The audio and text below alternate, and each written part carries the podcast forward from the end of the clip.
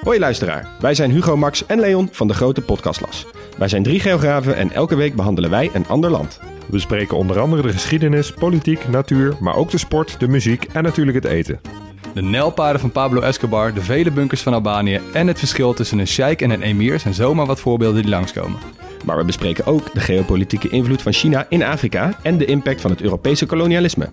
Luister dus wekelijks naar de audioversie van de Atlas, de Grote Podcastlas. Leuk dat je luistert naar Boeken FM. Hou jij ook zo van gemak? Abonneer je dan op deze podcast, dan hoef je nooit meer een aflevering te missen. hey, en als je dan toch bezig bent, laat dan ook een recensie en een genereuze hoeveelheid sterren achter in je podcast-app. Dan kunnen andere luisteraars ons makkelijker vinden in hun podcast-apps en het geeft ons natuurlijk een goed gevoel van binnen. De leukste recensie wordt voorgelezen door Joost de Vries. Heb je een vraag of ben je onredelijk boos op ons? Stuur dan een mailtje naar boekenfm.dasmag.nl.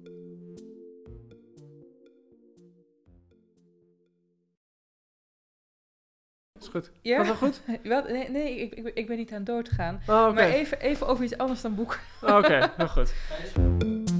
Oh, Kijk, daar zijn we al. Ja. nou, Jullie weten nooit waar we het net over hadden, maar jullie hebben wat gemist. Goeiedag, luisteraars. Leuk dat je luistert naar Boeken FM, de podcast van Das Mag en de Groene Amsterdammer over boeken en de inhoud ervan. 7 mei is de uitreiking van de Libris Literatuurprijs. Zes boeken zijn genomineerd voor de prijs voor de beste Nederlandstalige roman. Welke roman gaat winnen? Welke zou moeten winnen? En welke had de jury eigenlijk moeten nomineren? Ik ga het vandaag bespreken met literair columnist van het NRC Ellen Dekwits Hoi. en redacteur van de Groene Amsterdammer Joost de Vries. Hey Peter. Ik ben Peter Buurman. Eh, ja, zes boeken. We hebben ze allemaal gelezen. Of nou ja, eh, we hebben elkaar. Eh, we hebben het elkaar gegund om één boek over te slaan van de zes. Vanwege tijdsnood, niet vanwege desinteresse, moeten we daarbij vanwege, zeggen. vanwege tijdsnood. Maar eh, Ellen en ik hebben dat braaf gedaan. Maar Joost de Vries zou natuurlijk Joost de Vries niet zijn als hij ze gewoon alle zes eh, had gelezen. De boeken zijn De Pelikaan van Martin Michael Driessen. Michael Driessen. En we noemen hem van Marjolein van Heemstra. Wees onzichtbaar van Murat Isik. Peaches, een romance van Ilja Leonard Pfeiffer.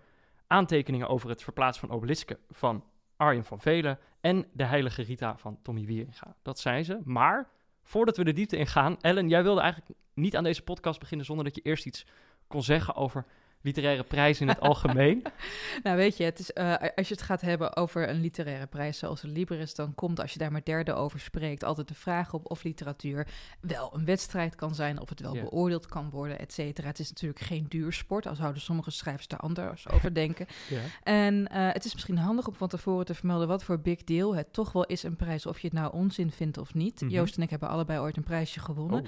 Ik heb eh, de Budding gewonnen destijds. Dat is de debuutprijs voor het leukste Nederlandstalige poëziedebuut. En het leverde mij echt een tienvoud aan optredens op. Heel veel geld, heel veel aandacht, extra recensies, heel veel aandacht ook voor mijn tweede werk. En bij zo'n prijs als Libris, wat niet alleen één boek bekroont, maar ook heb ik het idee af en toe ook wel een beetje het schrijverschap zelf. Mhm. Correct me if I'm wrong, Joost, want ik voel je al een beetje schep- sceptisch kijken. Ehm kan me voorstellen dat er nog veel meer bij speelt. Maar Joost, vertel eens, jij hebt de Gouden Uil gewonnen. Dat is het, eh, het Vlaamse zusje van de Librisprijs. Wat heeft het jou gebracht? Nou ja, precies wat jij eigenlijk ook zag. Eh, aanvankelijk krijg je een cheque van eh 25.000 euro. De en- budding is 1200 Oké, euro. nou goed, ik- Dit was iets meer. Je krijgt geld. Je krijgt geld. Dat is... eh, ik bedoel, daar kun je blasé over doen. Maar je moet toch denk ik gewoon zeggen dat voor elke schrijver... een boek schrijven is tijd. En tijd is geld. En op het moment dat je zo'n prijs krijgt... dan eh, heb je gewoon eens een hele sloot extra tijd die je kunt vrijmaken. Dus voor mij was dat heel fijn, want dat helpt je echt naar een volgend boek toe.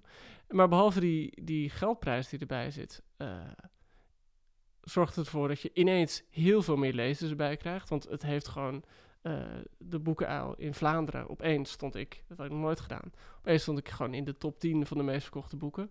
Ik stond op plaats 3 en op 2 stond Suske en Wiske. En op 3 stond de nieuwe Urbanus.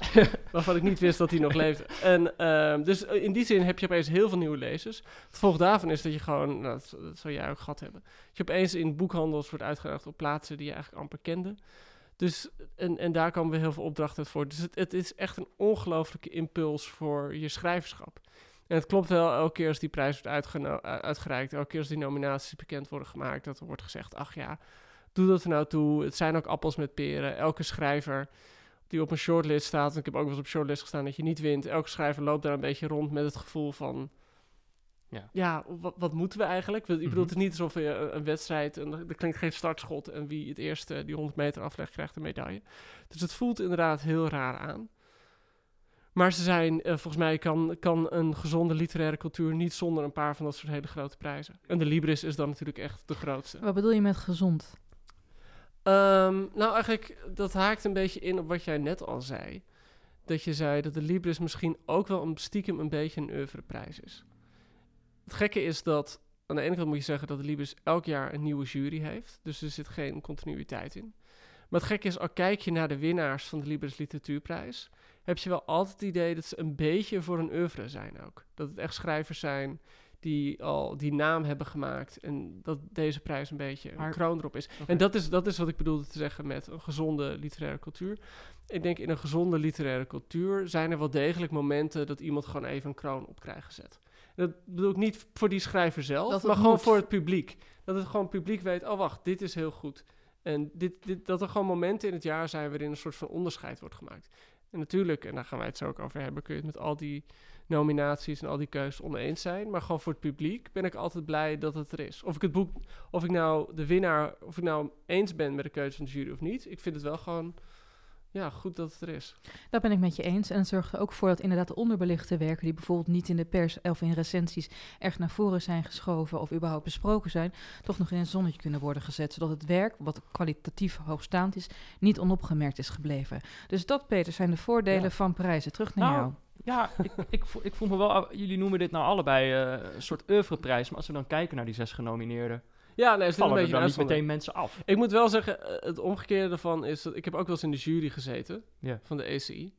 En dan voel je je ook wel echt... tegenwoordig de boekspot. ja, eh, de- de heette- dat ik erin ging, heette de ACO en toen werd het Oh de ECI en nu heette het de, de Bookspot Literature Award. ja, nou ja. Ehm, en het voelt wel heel... Ik, ik vond het niet leuk om in de jury te zitten. Je hebt echt het gevoel dat er te veel druk op je ligt. En dat je voelt ook echt... Misschien is dat projectie hoor, maar... Dan heb je die uitreiking en jij weet dan wie het is. En er zijn zes schrijvers met hun hele gezinnen en die zijn op van de zenuwen.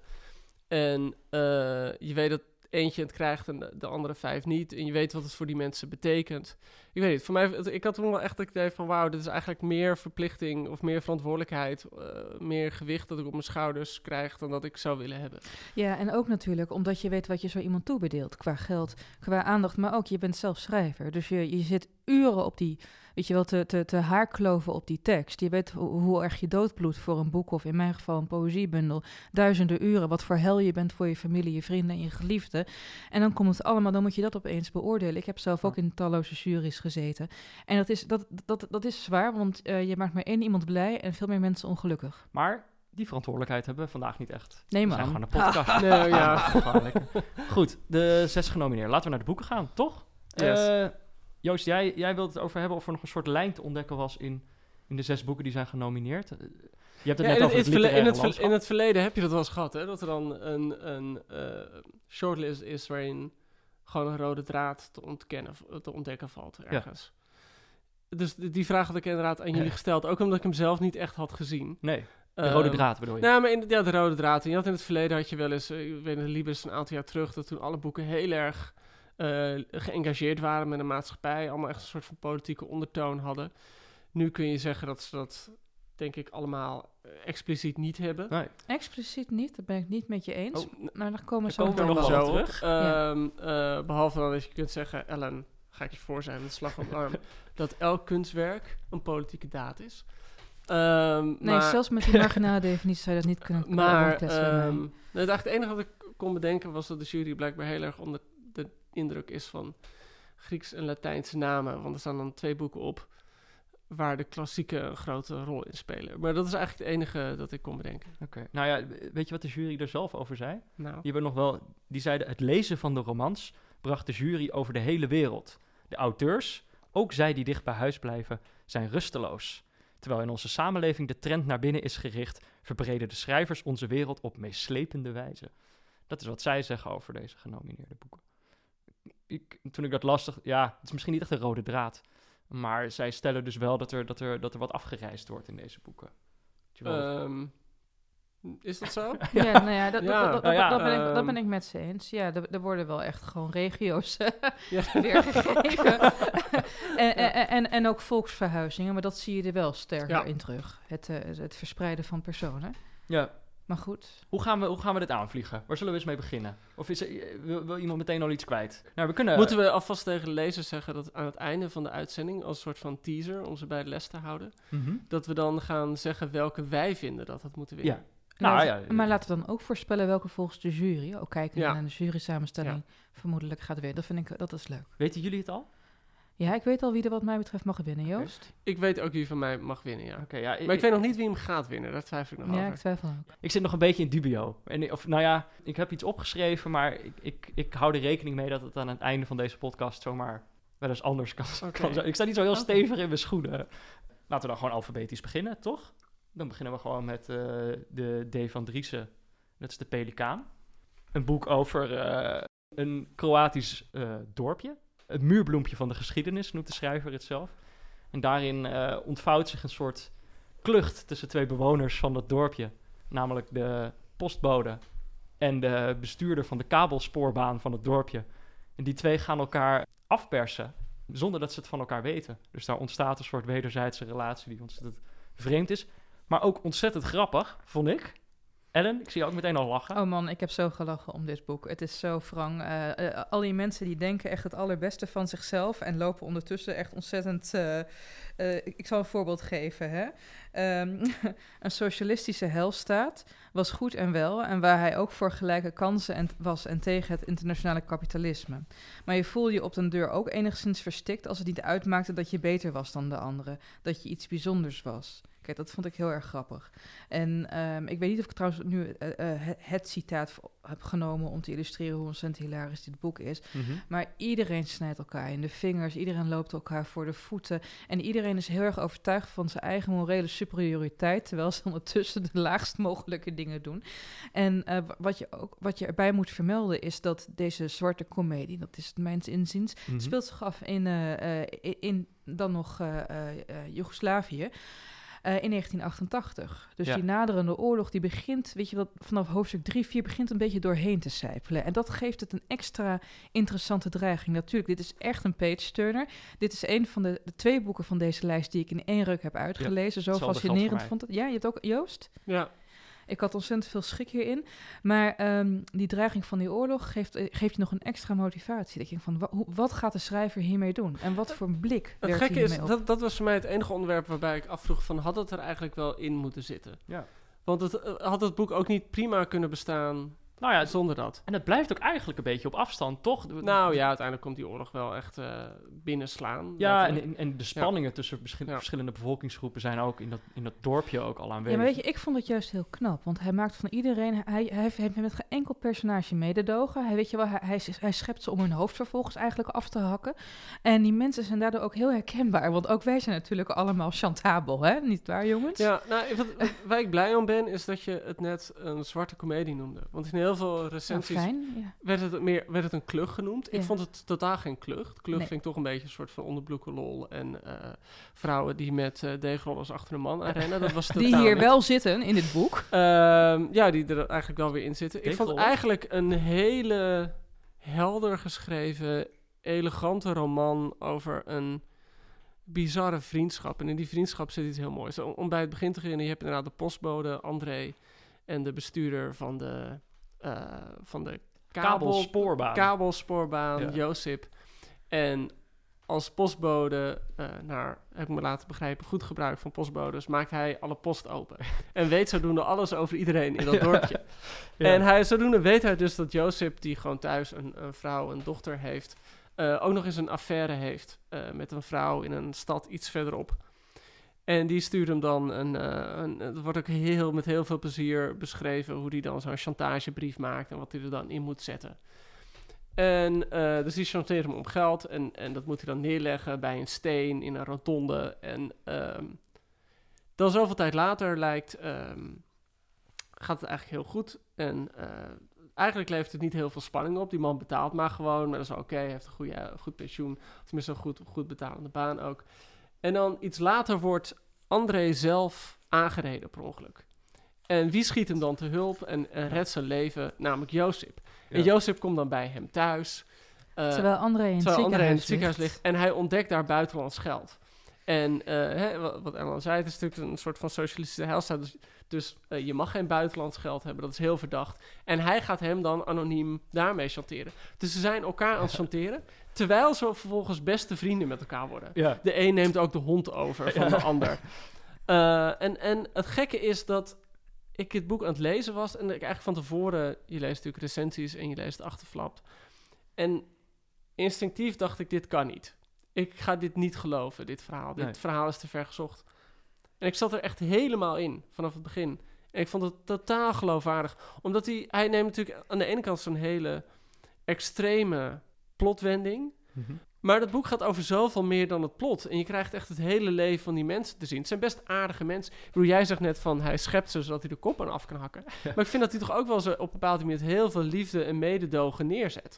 Nou, dat mededogen inderdaad. Maar ook dat je al ziet hoe die verschillende etnische groepen die in dat dorp al, of een Mhm. stadje aanwezig Ja. zijn, het later ook tegen elkaar op gaan nemen. En weet je, eh, ook die humor, want het is, ik, ik, op bijna elke pagina zit wel een geslaagde grap. Het, het is zo elegant geschreven en zo slim gedaan. Maar ik wil nog een voorbeeld geven. Ja, Op een gegeven gang. moment wordt André dus BFF met Jozef. En Jozef heeft een gehandicapte dochter. Ja. En André wordt kind aan huis daar. En die gaat een beetje met die dochter spelen. Omdat die dochter natuurlijk ook niemand heeft. Een half uur later zat André in kleermakers zit op het tapijt van Jozefs slaapkamer. En legde een puzzel met Catharina, de dochter. En hij had natuurlijk gehoord dat het kind geestelijk gehandicapt was. Maar hij vond het wel meevallen. Ze schreef de puzzelstukjes behendiger op hun plaats dan hij. Ja. De hele. Ja. Ja, er zitten heel veel van die mooie beelden in. Wat, een van de, wat ik bijvoorbeeld iets heel grappigs vond, eh, was dat ze dan... ehm, het gaat heel erg over geld, die roman. Niemand heeft geld. Dat is natuurlijk heel typisch voor een socialistische heilstaat. Niemand heeft geld. Dus die een chanteert de ander. En, wordt volgens teruggechanteerd. Ze gaan- zij maken het geld de hele tijd na elkaar over. Maar goed, wat ik dan heel grappig vind... En, en dat is dan zo'n moment dat even de, de rest van de wereld komt binnenvallen. Dat ze dan op een gegeven moment bij een tankstation zijn... En daar staat dan een rode Jaguar geparkeerd van een toerist. Mhm. En dan zitten ze echt zo naar die auto aan het kijken. Van wat geweldig. En ik had vroeger wilde ik altijd eh, coureur worden. En dat is toch een jongensdroom. Of volgens komt er dan een, een buitenlander naar buiten lopen. En dan gewoon een, een West-Europeaan. Met een slof sigaret. En dan zegt hij: It's cheap here, it's cheap here. En dan rijdt hij weg. En zij haten hem dan natuurlijk. Omdat hij opeens via hen gewoon. Via, via die man komt dan bij hun binnen. Hoe totaal armzalig eh ze eigenlijk leven. Ja. En ik, het, het klopt inderdaad. Eh, ik voel mezelf dat ik nu al moet terugkeren op mijn woorden. Ik weet niet of dit een politiek geëngageerd boek is in de zin van het, het gaat niet per se over het leven nu. Maar hij laat inderdaad heel mooi zien, er zit een soort van terugkerende scène in waarin ehm Josip vooral eh, op een terrasje zit met een groepje vaste vrienden. En dat zijn van die mensen die al 30 jaar, je ziet helemaal voor je, 30 jaar elke dag in de zon op dat terrasje zitten. En dan naarmate die Balkanoorlog nadert en zo, dat daar echt de, de lijnen eh, En de zichtbaar worden. En de polarisatie. polarisatie, ja. Dat doet hij heel, op een hele subtiele manier. Ja. Nou, zijn we, wij zijn eigenlijk best wel onverdeeld positief, merk ik. Nou, weet is je- er nog wat aan te merken op de Pelikaan? De Het- titel. De titel is Ja, de heel titel, jongens. jammer. De Oh, Pelikaan. Dat wat is mis een hele Pelikaan? slechte titel. Maar wat, hoe had het dan moeten heten, Het Joost? ligt te dik De postbode. ik weet niet, maar ik vond de Want ook op het einde van het boek zit er zo'n metafoor wat een pelikaan is. Een Ja, pelikaan, dat, is wel belangrijk in het christendom. eh dacht men, men dacht vroeger dat de pelikaan zijn jongen voedde met het bloed uit de eigen borst. Nou, uiteindelijk is het natuurlijk uit de enorme eh hangonderkinzak die Mhm. de pelikaan aan zijn snavel torst. En ehm gaandeweg, in het boek zijn meerdere personages die anderen chanteren er heilig van overtuigd dat ze een soort goed heilig mannen zijn, maar ondertussen zelf ook het schuim der aarde bepalen. En ehm, wat dat betreft is het een mooi mooie titel omdat het het thema verklaart. Weet je wel, iedereen naait elkaar en doet Ja. ondertussen maar alsof ze een soort heilig zijn. Maar het had beter gekund, eh, die titel. Ik heb maar, ehm, als ik een boek lees, ehm, onderstreep ik ook de zinnen die beter geredigeerd hadden moeten worden. De zinnen die niet lopen. Ik heb hier maar één half zinnetje dat ik bij dacht, nou, dit liep niet helemaal. Ik vind het zo loepzuiver geschreven. Op een gegeven moment denk je, hij spaart zelfs... Je hebt, je hebt een, een hele zielige windhond die door de postbode wordt gered Ja. van de, hon- van de honden redden. Omdat hij anders wordt afgemaakt omdat ze niet meer snel genoeg is. En de hele tijd denk je, nou, die windhond, dat is een beetje een soort symbool voor de onschuld. Hè? Dat is het enige personage dat er goed vanaf komt. En dan Ja. neemt hij verdorie, geeft hij ook eh, anderhalve pagina die woord, eh, het woord aan de hond. En dan eh, zegt hij van, ehm, ze had zich echter wel ontwikkeld tot een buitengewoon pessimistische hond, die dan ook een beetje op andere honden neerkijkt. Dus die- Zelfs de hond windhond. Ja. Niets menselijks is die windhond vreemd. Ik had nog wel een beetje... Er, er zit geen vrouw in dit boek die niet of psychisch of lichamelijk gehandicapt is. ja, maar je zou ook kunnen zeggen dat André en Jozef ook niet helemaal goed snik zijn. Nee, nee, nee, maar eh, zeg maar, dit is een, een, een meer een breder punt dat ik misschien wel heb bij alle genomineerden. Er zijn natuurlijk vijf genomineerde mannen, één genomineerde vrouw. Mhm. Ik heb vier van die mannen gelezen en, en de vrouw. Je komt een hoop getroubleerde mannen tegen en een, en een hoop vrouwen die een beetje op de achtergrond verdwijnen en toch vaak ook wel het slachtoffer zijn van die figuren. Maar ja, kijk, sorry, ik, ik, daar maak ik altijd meteen korte met mee. Bedoel, Ja. Het boek gaat gewoon over die twee mannen.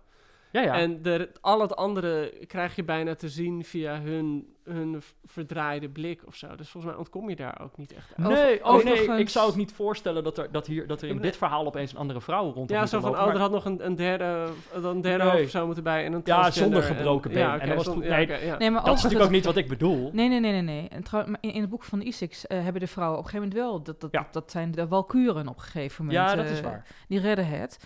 Maar hier inderdaad, weet je wel... Maar iedereen wordt haast gereduceerd tot een... ehm kluwe cellen. Ja.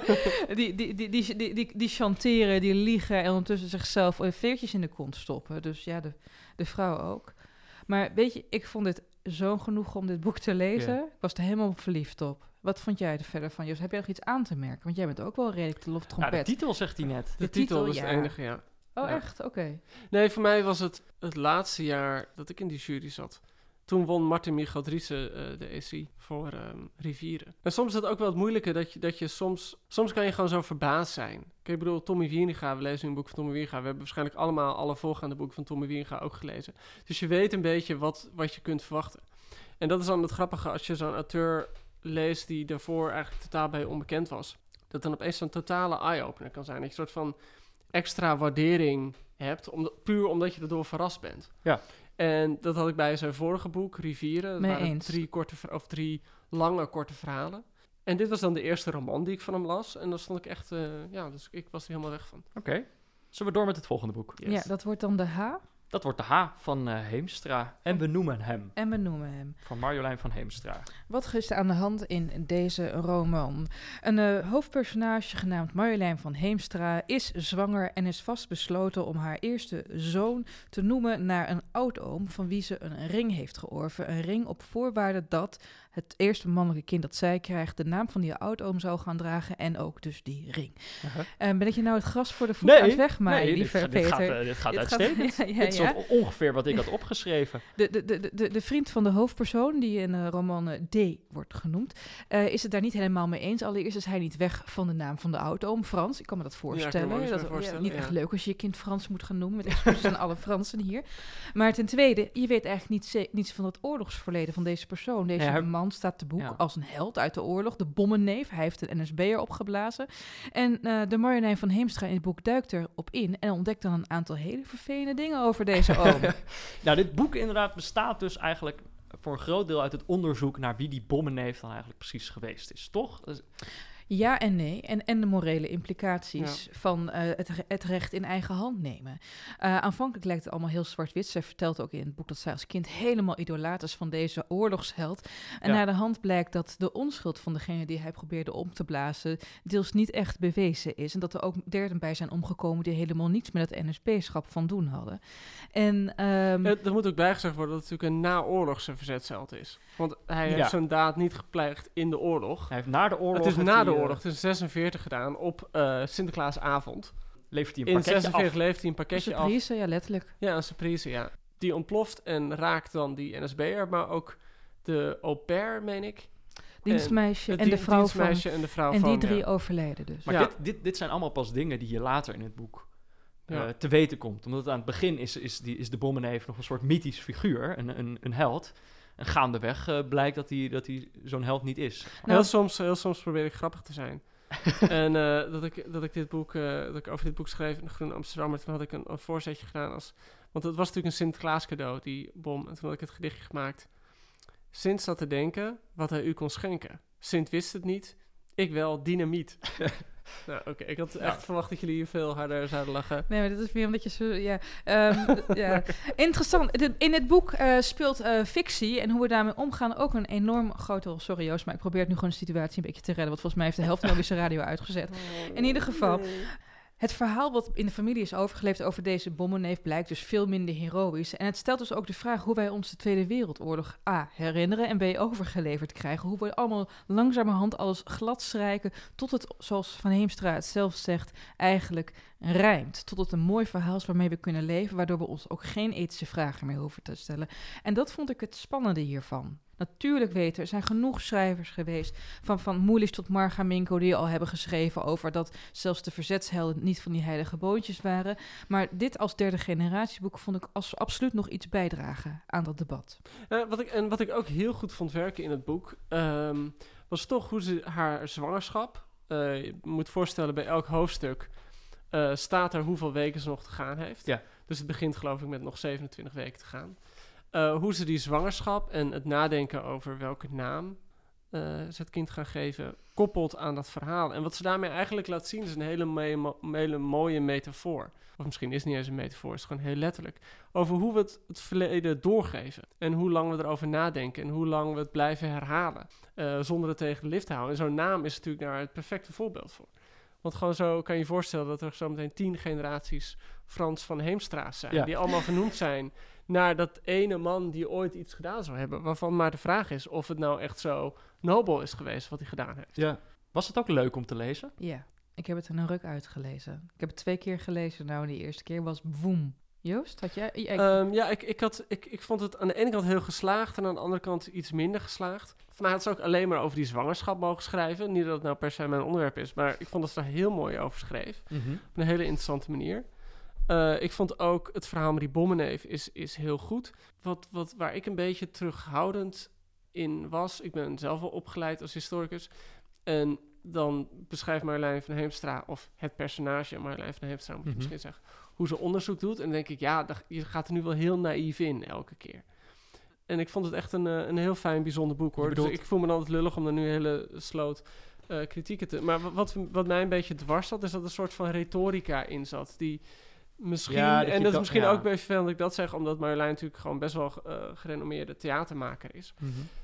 Ehm, en er zat een soort van retorisch element in de hele tijd. Dat er de hele tijd vragen werden gesteld. Dat was echt zo'n stijlmiddel van haar. Ja, terwijl... En in, ik ben dan meer geïnteresseerd in de antwoorden die je op die vragen bestelt... dan het feit dat je... Goh, wat betekent geschiedenis eigenlijk? Kunnen we ons ooit in het verleden verplaatsen? Het is een heel makkelijk middel om mee te doen... maar dan moet je er net ja, een soort van eigen filosofie. Aan meegeven. ja, nou is het nog, nog heel even over dit onderwerp. Ik weet niet of jij daar ook iets over wil zeggen. Nou, eigenlijk, eigenlijk over die naïviteit hè, van haar als amateur-historica, want dat Mhm. wordt ze op een gegeven Ja. moment in het boek. Ehm, dat vond ik juist prettig, omdat op die manier je, eh, wordt getoond hoe de meeste mensen historisch schrijven, hoe ze geschiedenis begrijpen. Niet vanuit een wetenschappelijk, eerlijk tussen aanhalingstekens oogpunt, maar gewoon je, je, je doet het met de verhalen die je bij elkaar schraapt. Het is ontzettend willekeurig. En dat vond ik het fijne daarvan. En het, Ja. wordt, het wordt in het boek zelf ook wel gethematiseerd, toch? Als zij naar de Koninklijke Bibliotheek in Den Haag gaat om daar in de archie- archieven te pluizen naar wat er nog te vinden is over die, die bommenneef, dan vindt ze daar toch ook een soort eh, houtje touwtje, een groepje houtje touwtje historici die ook in hun verleden zitten te pluizen en die allemaal op hun eigen manier. eh, Ja, en, je hebt een man die neemt haar een beetje onder zijn hoede... en die helpt Ja. er een beetje. En dat, dat zijn wel iets meer ingevoerde historici... die een soort van heel netwerk proberen te bouwen... van al die mensen die daar toen rondliepen. En, en zich met verzet en eh, de bezetter bezig hielden. En zij is dan natuurlijk op zoek naar dat, dat, dat ene rare figuur... waar niemand helemaal ja. grip op krijgt. Mhm. Waar ook niet alles over bewaard is gebleven. Bewaard is gebleven, nee, inderdaad. En dan gaat ze nog een paar langs bij. Je krijgt natuurlijk het onvermijdelijke belrondje langs alle familieleden... wat ze nog weten. En dan en er zit ook nog een ring in, toch? Die ze heeft van ja, hem. dat is het Ja. hele punt. Ja, dat is het hele punt. Ja. Ik moet zeggen dat ik dus juist dat, dat, dat eh, onderzoekselement eh, wel leuk vond. Het deed mij een beetje denken aan, je hebt allemaal van die eh, true crime podcasts tegenwoordig over, weet je wel, he- heeft deze gast in, in, in dit en dit dorpje in de Verenigde Staten het wel of niet gedaan? Daar gaan we het nu 30 afleveringen over hebben. Geen Eh, idee waar je het nou over hebt. Nee, Ja. nou ja, dus er zijn er een hele hoop van. Maar in ieder geval, het deed me een beetje denken aan die vorm. Maar dan gaat het dus eigenlijk niet... eh, eh, Dat- Dat zou denk ik heel goed voor zo'n vorm geleend, denk ik, ja. ja, dat denk ik dus Ja, ook. dat zou het heel goed, heel goed in kunnen doen, ja. Maar ik vond dat, eh, dat vond ik er dus wel heel leuk aan. Maar- het heeft hetzelfde charme. Los van de inhoud en de retorica, wat vonden jullie van de schrijfstijl? Want ik vond die uitermate prettig. Ja, Ja. het boek zit super goed in elkaar. En, en er zit een enorm tempo in. Het is een hele fijne afwisseling van onderzoek, van persoonlijke overwegingen, van gewoon de, presentatie van feiten, eh, van eh, gewoon de persoonlijke verhalen over zwangerschappen, eh, noem maar op. Ik bedoel, Gedoe met muggen. gedoe met muggen, inderdaad. Ja. Eh, dus dus het, zit, het is echt voorbeeldig geschreven, vond ik. Ja. Heel natuurlijk voor mijn gevoel. Dat je echt denkt van hoe, eh, hoe krijg je het zo op papier? Nou ja, dat had Ja. ik dan in ieder geval. hoe krijg je het zo simpel op papier en tegelijkertijd zoveel te vertellen? Nou ja, dat was... Ja, dat, dat is denk ik wel een grappige. En als je kijkt naar de voorgaande boeken, dat Martin Michiel Driessen en Marjolein van Heemstra, ik zeg de namen bij, want anders lijkt het zo alsof we elke dag met haar op de Oh, zitten. Ehm, dat zijn echt van die boeken die gewoon totaal, die gewoon denk ik heel goed, heel gestileerd geschreven zijn, maar op zo'n heldere manier dat het volledig natuurlijk aanvoelt. Ja. En ja, inderdaad, niet geforceerd. Niet Weet je wel, dat je niet de schrijver erboven hoort klaarkomen van wat heb ik nou weer voor metafoor bedacht. Nou, daar, naar dat boek gaan we zo meteen. Ja, daar, nou. daar komen we zo meteen Oh, ja. op, ja. Het volgende boek, Wees Onzichtbaar, van Murat Isik, gaat over een jongen die opgroeit in de Bijlmer. Het verhaal begint als hij een jaar of zes is en daar komt te wonen. Het verhaal eindigt als hij een jaar of... Ja, hoe oud is hij eigenlijk? 223, zoiets. Zoiets, ja, zo. Ik vraag me Ja. opeens af. En daartussenin gebeurt van alles. Het is een aardig dik boek, 600 bladzijden. Het is ook redelijk breedvoerig, als je het mij vraagt. Er wordt eh, geen detail eh, weggelaten. Ik weet het nog niet met dit boek. Weten jullie het wel? Ik Wat vond je wel. ervan, Ellen? Nou, toen ik, het, eh, eh, toen ik het las, ik moet zeggen, ik heb het vorig jaar gelezen, toen het net uitkwam. Ik heb het in één ruk uitgelezen. Dat is ook omdat het, het is eigenlijk een soort van coming-of-age story. Is altijd leuk, van wat gebeurt er nu? en Wat Ja. gaat dit soort, dit personage met deze karakter trekken straks op de middelbare school? En later, hoe ontwikkelt het gezin zich? Ehm, eh, ik heb het in één stuk eh, dus doorgelezen. Je wil weten hoe het gebeurt. Eh, het, het geeft ook een blik op een wereld die je niet echt goed kent, namelijk de immigrantencultuur. Mhm. Het gaat over Metin, een jongetje dat in, geboren in Turkije, maar op jonge leeftijd in Nederland komt te wonen in de Belmer. Met zijn vader, die communist is, wat eh, niet echt eens een politieke overtuiging is, maar meer een excuus om gewoon lui op de bank te liggen en Dostoevsky te lezen. Met zijn moeder, die niet echt blij met die vader getrouwd is, maar ja, het is niet anders, en zijn oudere zus. En het is eigenlijk een verhaal van iemand. Je, je ziet het eigenlijk allemaal wel aankomen hoor. Ik bedoel, dat had ik althans. Ik weet niet of jij het ook had. Maar eh, het jongetje, weet je wel, verzet zich tegen de moeilijke vader. Bokst tegen de moeilijke omstandigheden in de Belmer. Krijgt uiteindelijk toch het eh, VWO-advies. Slaagt toch wel ergens in het leven. Ja. Maakt zich aan de ene kant vrij van zijn achtergrond. Maar ook deels dankzij zijn achtergrond. Dus zowel dankzij zijn familie. Dankzij de me- mensen die hij in de Belmer ontmoet. Dankzij alle gekke personages die hij tegenkomt. Het is eigenlijk een soort, ja, een soort uh, Lion des Jonge Werther zonder die zelfmoord op het laatst. Nee, nee dat, dat is verkeerd trouwens. Dat is helemaal niet Lion des Jonge Werthers. het is in ieder geval, ehm, zou ik zeggen, een coming of age eigenlijk uh, volgens het boekje. Mhm. Maar wat het voor mij meerwaarde geeft... Ik, ik vond niet alles uh, volmaakt hier aan... maar wat het voor mij meerwaarde geeft... is dat mij ontzettend mooie inkijk biedt... in zowel het migrantenleven als het leven in de Belmer. Ja. En Isaac heeft zelf ook over dit boek regelmatig gezegd... het is eigenlijk een ode aan de Belmer. Het is een... Uh, een karakterschets van Ja. die wijk. Ook hoe die de afgelopen jaren veranderd is. Want aan het einde keert het hoofdpersonage terug in de Bijlmer... en die herkent eigenlijk niks meer. Alles Ja. wat voor hem vroeger markeerplekken waren van zijn jeugd... zijn gesloten en er is iets moois en hips Ja. overheen gebouwd. Ik vond het boeiend, maar ik vond het niet per se eh, in literair opzicht interessant. En bij Ja. liter- bij- met literair bedoel ik vooral eh, de stijl. Ja. Ik vind de dialogen af en toe toch een beetje knullig. Eh, de beeldspraak is af en toe ontzettend hoogdravend. En dan weer dat je echt denkt van, ga, weet je tell instead of show, weet je wel. Lul er niet zo omheen. En eh, dat, dat vond ik jammer. Het voelde nog soms alsof het niet echt in balans was. Nee. Niet zo sterk als bijvoorbeeld Pelikaan of eh, En we noemen hem. Nee, absoluut. Ik had hetzelfde gevoel. Wa- Wat je noemt, of wat hij zelf dus eigenlijk ook noemt, dat het een ode is aan de bel, maar dat daar ook echt de kracht van dit boek in zit. Ik heb het ook in één ruk uitgelezen. Ik bedoel, dat, eh, daar zit het plezier van het boek ook wel in. Ik denk dat ik het gewoon helemaal met je eens ben. Ik had hetzelfde, dat het, en dat zei ik net ook al, het is zo, zo breedvoerig, zeg maar. Er wordt, je hebt het gevoel dat er, dat er inderdaad nog een soort ronde overheen moet om het te stileren. Tenminste, dat gevoel had ik dan. er kan nog wel wat uit zonder dat er direct wat veranderd wordt aan de inhoud of de beleving van het boek. Ja, dus inderdaad, als je het boek openslaat, heb je wel binnen tien bladzijden weet je van je bent nu in de handen van een verhalenverteller. Ja. En dit is iemand die je alles gaat vertellen over alle personages en alle gebeurtenissen en alle huizen waar hij in terechtkomt. En ik vind dat hij dat ook heel voorbeeldig doet hoor. En ik, ik bedoel, je ziet echt, eh, wat dat betreft is dat toch wel de meerwaarde van iemand die schrijft over waar hij vandaan komt. Dat je wel echt met heel veel liefde krijg je zo'n milieu waar ik niet elke week kom of, of elk jaar. eh, precies wordt neergekomen. Ik miste inderdaad iets daaronder. Ja. Gewoon iets dat het meer maakte dan alleen die coming of age. Ja. Ja, want Ellen noemde het net al dat het niet heel literair was, maar ik bedoel, dat is vaak iets wat je dan... Nou, literair bedoel ik in dit opzicht mee dat de, de, de stijl eh, inconsistent was. Dat, dat stoorde mij af en toe. Dialogen vond ik af en toe niet geloofwaardig. Ehm, wat ik wel geslaagd literair aan vind, is die meelagigheid van de personages. Want de roman gaat ook over de vader van het gezin, die echt een soort van ter, ter- terrorman Ja. eh, man is. En toch heeft hij ook zijn aardige kanten.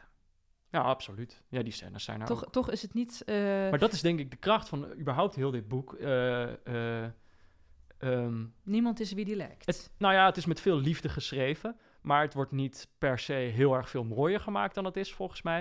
En het wordt ook niet per se heel veel lelijker gemaakt dan het is. Maar dat zorgt er tegelijkertijd voor dat je, tenminste ik, het gevoel heb dat je toch 600 bladzijden, weet je, naar hetzelfde akkoord zit te luisteren. Omdat er niet, ehm, ja, dat zal dan misschien wel die stilering zijn, of zodat je niet het gevoel hebt dat er echte keuzes worden gemaakt in, eh, in, in hoe het plot zich beweegt. Maar dat je in plaats daarvan scène na scène na scène, allemaal op een rij, ongeveer hetzelfde meekrijgt. En ik denk dat dat, het kan heerlijk zijn. Je komt wel gewoon, ja, je bent dat boek wel gewoon lekker, lekker lang aan het lezen. Maar ja, ik heb hetzelfde, dat als je het dichtslaat, dat je niet, niet het gevoel hebt dat er, dat er heel veel onder zat of zo. Nee. Maar ja, dat, zijn wij dat dan, vinden wij dan dat zoiets nodig is? Moet dat? Ja, Ja. absoluut. Meerlagigheid, absoluut. En weet je, eh, schrijven is natuurlijk allereerst stoorfactoren weghalen. Dus, dus die dialoog moet lopen, weet je wel? Ja. Zelfs al is het een dialoog van iemand die hapert, dan moet het alsnog goed lopen. En ehm, hier was ik af en toe toch te veel gestoord. Werd ik toch veel Ja. gestoord door die onhandigheden en dergelijke. Ja, ik had dat zelf, eh, vooral in die, in- dus in de eerste paar honderd bladzijden, als hij echt nog een jong kind is, dat, dat, dat er over dat kind geschreven wordt eigenlijk met veel te veel, er wordt veel te veel inzicht op dat kind geprojecteerd. Dus op een gegeven moment geeft zo'n kind geeft een, een hand aan een andere jongen, en dan wordt er over die andere jongen wordt gezegd van in zijn ogen was niet de blik van een overwinnaar, maar van iemand die dankbaar was of zo. En dan denk ik ja, dit gaat gewoon over een kind die zes, dat zes is Ja. die ziet dat niet. Dus, en er wordt dan ook niet, zeg maar, die verteller wordt dan ook niet van dat kind afgetrokken om er, eh, om er dan op afstand iets over te zeggen, maar dat wordt helemaal op elkaar geplakt. Nee, het denk- zit in die focalisatie. Ja. En dat was ook mijn bezwaar er tegen. Ja, Misschien moeten we erbij zeggen dat, eh, dat we misschien ook wat extra streng zijn. Ik weet niet hoe dat voor jullie is hoor, maar mij maakt toch. Maar toch, als je zo'n boek leest in de wetenschap dat het op de shortlist van de Libris Literatuurprijs, dat je toch anders leest. Dat je opeens veel andere verwachtingen er, Ja. ervan hebt. En dat je dan, dat soms vertekent dat ook je leeservaring een nou ja, dat was hoor. dus eigenlijk de vraag die, die ik net stelde. Ja. Van moet, weet je wel, wij hebben bepaalde veronderstellingen over, over hoe het eruit zou moeten zijn. Het moet meerlagig zijn, maar is dat wel? Moet dat wel, zeg maar? Kan niet ook gewoon een fijne leeservaring vooropgesteld worden? Of het feit dat er een ander verhaal verteld wordt? Of Maar is een fijne leeservaring niet altijd een gevolg van die meerlagige leeservaring? voor mij wel. Ja, ik bedoel, kom op, want eh, daar wil ik me wel hard van maken. Echt de, de beste literaire boeken die ik ken. Oorlog en Vrede is ook een hele fijne leeservaring als je er nou over geeft. Mhm. Dus, Maar, dus nee, maar ik bedoel, als Oh. alleen leeservaring voorop staat. Ik bedoel, de meeste goede boeken zijn ook een goede leeservaring. Ja. En eh, zelfs als boeken moeilijker zijn, dan zijn ze een uitdaging. Dus ik bedoel, ja, Nou ja, nee, ik, ik bedoel, ik, ik, eh, ik poneer hier ook Ja, niet per se nee, mijn mening hoor. het, Maar ja. ik bedoel, dit zijn er wel argumenten die, je die je er tegen Maar als ik, het, kunt als ik het een beetje resumeer, jongens, vind ik het allemaal wel leuk om te lezen, maar zijn jullie toch niet helemaal kapot van? Nee. Nee, ik ook niet. Nee, Ik- helaas. Eh, Het verbaasde mij ook, want ik, ik heb het boek dus echt eh, vlak, eh, vlak voor het uitkwam eh, gelezen.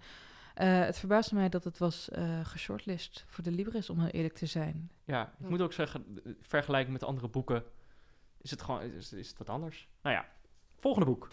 Peaches, een Peaches. romance. Ik trek mij eh, even terug, eh, jongens. Hier, ik Jij hebt deze niet gelezen? Nou, nee, nee, nee. Ik, ik, ik, had dus niet, ik had dus niet de tijd. Nee. En eh, eh, Ik- is jouw geen hiaat. probleem.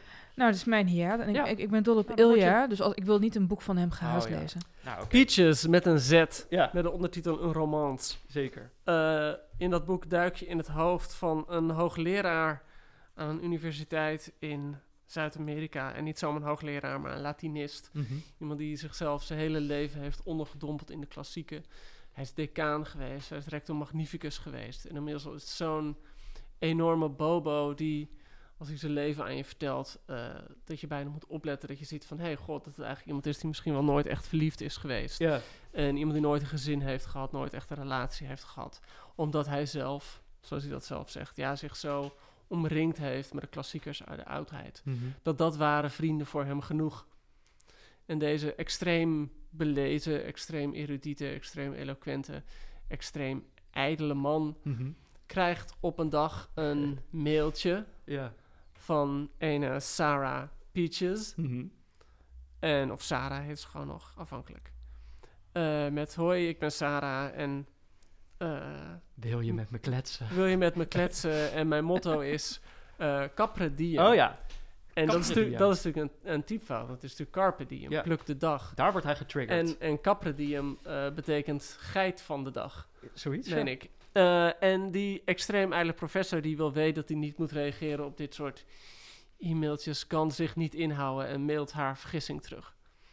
En hij is dan heel tevreden met zichzelf. Dus het is een heel lang mailtje. Heel- heel- carpe diem. Ja, gewoon een hele, hele uitgebreide mail. Ja. En als hij dan volgens weer achter zijn computer zitten, heeft hij weer een mailtje terug van die Sarah. Ja. En dan voel je hem aankomen. Eh, dat, dat wordt een enorme correspondentie Ja. over en weer.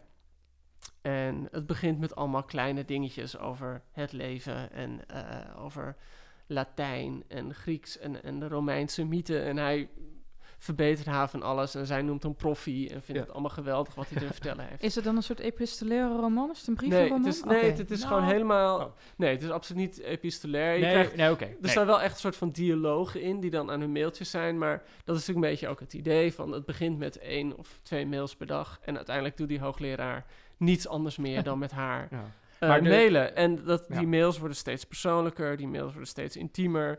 En het valt hem wel op. En zij, hij zit dus in... Waar zit hij in Latijns-Amerika? In, zit hij nou in- Zit hij daar dan al? Ja, ja, nee, nee, want zij zit in Las Vegas. Oh ja.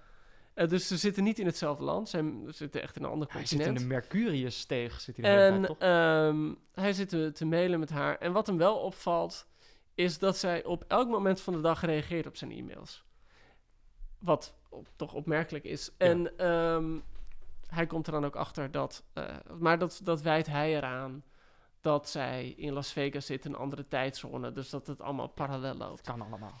En ehm, Maar de spanningsboog eigenlijk is dat je van eigenlijk aan het begin al meekrijgt. Deze man vertelt, de, de, de ik-verteller vertelt, ik ga het verhaal van de liefde van mijn leven vertellen. Maar je krijgt gelijk ook al mee dat hij ergens in de cel zit, ja, in een Zuid-Amerikaans land. Ehm, dus, dus de spanningsboog zit er eigenlijk in van dat je toch wel benieuwd bent voor hoe, hoe is nou die ja, man, kijk, kijk de, deze man, de spanningsboog moet je dan zeggen, eh, zit erin.